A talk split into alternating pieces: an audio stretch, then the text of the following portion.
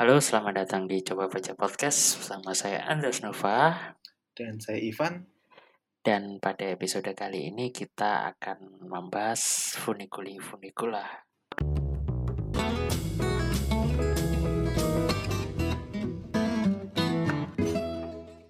Kali ini buku yang dibahas itu judulnya agak aneh ya, Van ya. Funiculi funicula. Iya. Ini buku baru ya? Iya buku baru lima hari yang lalu. Ini kan kita rekaman Oke. tanggal 30. Lima hari yang lalu baru rilis di Gramedia. Oke, dan ini judulnya kayak lagunya lagu lagu klasik lagu Pavarotti kalau nggak salah apa ya? Oh iya, soalnya yang aku baca eh, ketika para tokohnya bertemu dengan kedai funikuli funikula ini kayak ini kayak lirik lagu ya tapi nggak disebutin aja sih. Kalau dari namanya kayak dari Italia Italia gitu ya. Ah, ah, funiculi. Oh. Makanya kan ketika baca judulnya ini funiculi apa funiculi atau gimana? Jadi ya udah kita sepakin funikuli funikula ya. ya. Oke. Tapi ini judulnya bahasa aslinya apa? Judul bahasa Jepangnya apa sih ini? judul bahasa Jepangnya Kohiga Saminai Uchini ada Yang artinya adalah nggak tahu ya tapi ini kayaknya kalau da- dalam bahasa Inggrisnya justru uh, Before the Coffee Gets Cold yang terbit sekitar enam tahun yang lalu pada tahun 2015 tapi kayaknya malah lebih Apa? sebelum apa kopi mendingin kayaknya anyep ya malah ya. itu kayak anak senja banget tahu anak senja yang Iya. suka motret buku dan kopi di depan senja-senja yang Tapi bertabur malah langit malah luas. keren juga ya kalau misalnya judulnya eh funiculi funicula ini kayaknya malah asik sih. Iya, kayak, hah ini apa?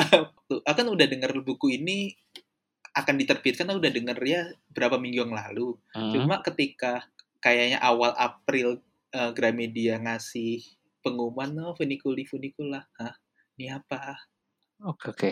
Nah terus eh ketika baca buku ini tuh impresi awal gimana? Aku aku apa ya? Aku beli buku ini kan tanpa ekspektasi apa pun. Ah, ah. Jadi pokoknya aku denger ini bukunya rame, eh, lagi rame lah berapa minggu terakhir terus begitu aku begitu bukunya sampai tanggal 25 kemarin, aku baca dong sinopsisnya. Mm-mm. Waduh, ini kayaknya sedih deh.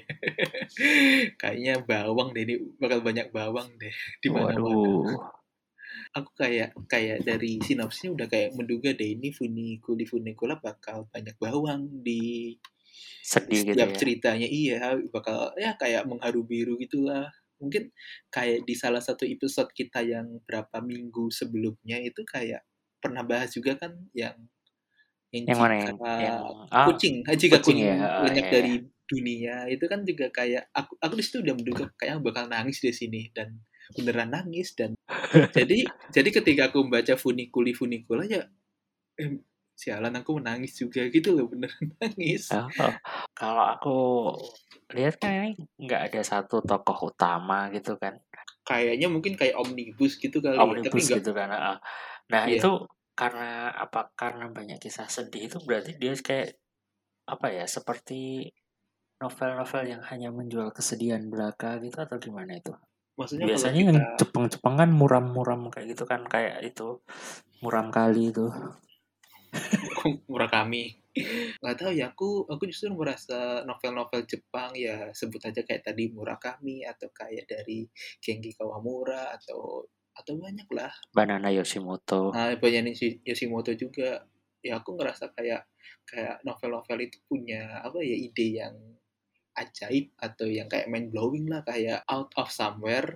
Terus kayak bisa aja gitu ide unik muncul di setiap karya-karyanya. Ya kayak Murakami yang dengan ada dunia dengan dua rembulan yang ada di langit Tokyo kalau nggak salah di novel apa satu ki 84 atau kucing iya kayak atau yang kita paling banyak tahu kayak Doraemon kan kayak nah ini kenapa sih ada orang kepikiran ada kucing robot dari masa depan gitu Tapi loh. keunikan itu kayaknya di di karya klasik udah udah mulai ada cuma karena karena kita melihat itu karya klasik jadi umum banget mungkin di masanya juga itu ada sesuatu yang ajaib kayak gitu ya. Ya kayak Iya. kap kapa itu kan juga Iya, ha-ha. siapa orang nulis novel tentang kapa misal kayak Kappa kan yang klasik kan kalau ini kan kayak yang baru-baru ya kayak Mm. Murak Murakami atau Genki itu kan yang masih era sekarang gitu dan dan mereka kayak mereka bisa bikin ide se unik gitu ya ide mereka nggak liar tapi unik kayak ya gitulah Lalu apa yang unik di di novel ini? kepikiran nggak sih soal ada ada mesin waktu itu dari sebuah kedai kopi kecil di tengah kota kepikiran nggak sih itu sebagai ide Bentar, bentar. Se- mesin waktu di kedai kopi itu gimana maksudnya kalau kalau Doraemon kan laci ya laci jadi mesin Iya. waktu tuk tuk tuk dia pergi ke masa Mm-mm. terus dulu pernah ada waktu kecil tuh ada eh, mesin waktu paling unik yang pernah ku ketahui adalah teko ajaib Ya, nah kalau ini gimana sih Nah kalau misalnya pakai referensi barat ya, barat itu kan kalau mesin waktu itu kan udah kayak ada peralatan canggih, teori-teori Ah. fisika kuantum segala macamnya itu yang yang kayak pusing gitu lah. iya tapi- iya iya Tapi ya di novel ini kayak nggak sama sekali ya cukup ada kafe yang sebenarnya biasa-biasa aja, terus segelas kopi dan dan sebuah kursi. Maksudnya kayak ini kebiasaan nih Pak, anak indie banget dah. Tapi ya kayak tapi kayak ya siapa sangka loh di tangan Toshikazu Kawaguchi ini kayak jadi sebuah alat untuk pergi ke masa lalu. Tapi ya kok tapi kalau dipikir-pikir Doraemon itu tuh ngasih mesin waktu di sebuah laci itu sebenarnya udah kayak udah simple banget tahu. iya iya Nggak Ya, nggak nggak ribet-ribet. mesin mesin waktu itu bagaimana kan ceritanya nggak nggak akan se straightforward itu kan kalau Mm-mm. se straightforward itu kan bakal lempeng-lempeng aja ceritanya terus Iya. kalau ini apakah ada kayak aturan-aturan kayak gitu ada beberapa peraturan yang yang kayak kayaknya peraturan yang disebut ketika ada orang nih nanya, "Oh, ini Kak, kafe bisa buat pergi ke masa lalu ya?" Terus si pegawai kafenya kayak bilang, "Iya, bisa, tapi ada beberapa peraturan nih." Ya udah ketika peraturan-peraturan ini disebutkan di dipaparkan ke pengunjung, ya udah deh, nggak jadi deh, ribet. Nah, nah seperti itu yang yang yang aku suka karena ribet yang berisiko ini kayak bikin nah, mesin waktunya ini nggak sembarangan. Maksudnya mungkin mereka mungkin mereka bisa bikin bikin sesimpel ya udahlah ada kursi, ada meja, ada kopi, terus jadi itu jadi semacam se- mesin waktu tapi ya tentu aja jalannya nggak bisa dibikin mudah dong. iya iya kalau kamu sendiri bakal memenuhi peraturan itu enggak sih kalau Enggak. ingin kembali ke masa lalu Aku terlalu melankolis jadi kayaknya aku nggak bakal bisa lepas. itu, itu aturan seribet apa itu misalkan ini biar gak spoiler, aku bacain yang ada di apa sinopsis aja ya. Namun ada banyak peraturan yang harus diingat. Satu, mereka harus tetap duduk di kursi yang telah ditentukan. Dua, apa pun yang mereka lakukan di masa yang didatangin tak akan mengubah kenyataan di masa kini. Tiga, mereka itu harus menghabiskan kopi khusus yang disajikan sebelum kopi itu dingin. Soalnya kalau kopi itu dingin, mereka nggak bisa kembali lagi ke masa depan. Seru, Iya. seru nggak itu peraturan I- iya tapi ngomong-ngomong sinopsis kamu mah belum bahas ceritanya ini Ya Ini gimana ya? secara, se- secara simpel ceritanya gimana nih ceritanya ya sederhana kayak ada orang-orang yang pengunjung di kedai funikuli funikula gitu aku aku aku justru dengan cerita kedai gini aku ke- keingetan sama series di Netflix yang judulnya Midnight Dinner kalau nggak salah. Midnight Dinner in Tokyo kalau nggak salah. Yang di situ ada kayak pengunjung kedai yang punya cerita masing-masing. Dan Ah, ah. dan kalau yang di funikula ini ada wanita yang berkeinginan untuk pergi ke seminggu sebelumnya ketika dia bertemu sama mantan pacar yang yang lagi ada di Amerika. Terus juga ada perawat yang mau bertemu dengan suaminya yang mengidap Alzheimer. Juga ya kayak ada kakak yang ingin ketemu adiknya ketika untuk terakhir kalinya di masa lalu ya. Ya sebenarnya ceritanya itu aja. Iya sih banyak potensi kesedihan-kesedihan yang Iya. ditebarkan ya. Ya maksudnya kayak ya udah ada yang pengen pergi ada yang kehilangan ada yang Alzheimer itu kayak oke ini sedih gitu loh. Nah juga eh, aku suka sih bagaimana peraturan ini dibuat rumit. Jadi kan eh, buatku ya cerita yang menarik itu yang bikin ya bikin barrier seku, seberat-beratnya untuk para tokohnya kan Iya konfliknya di situ kan Mm-mm.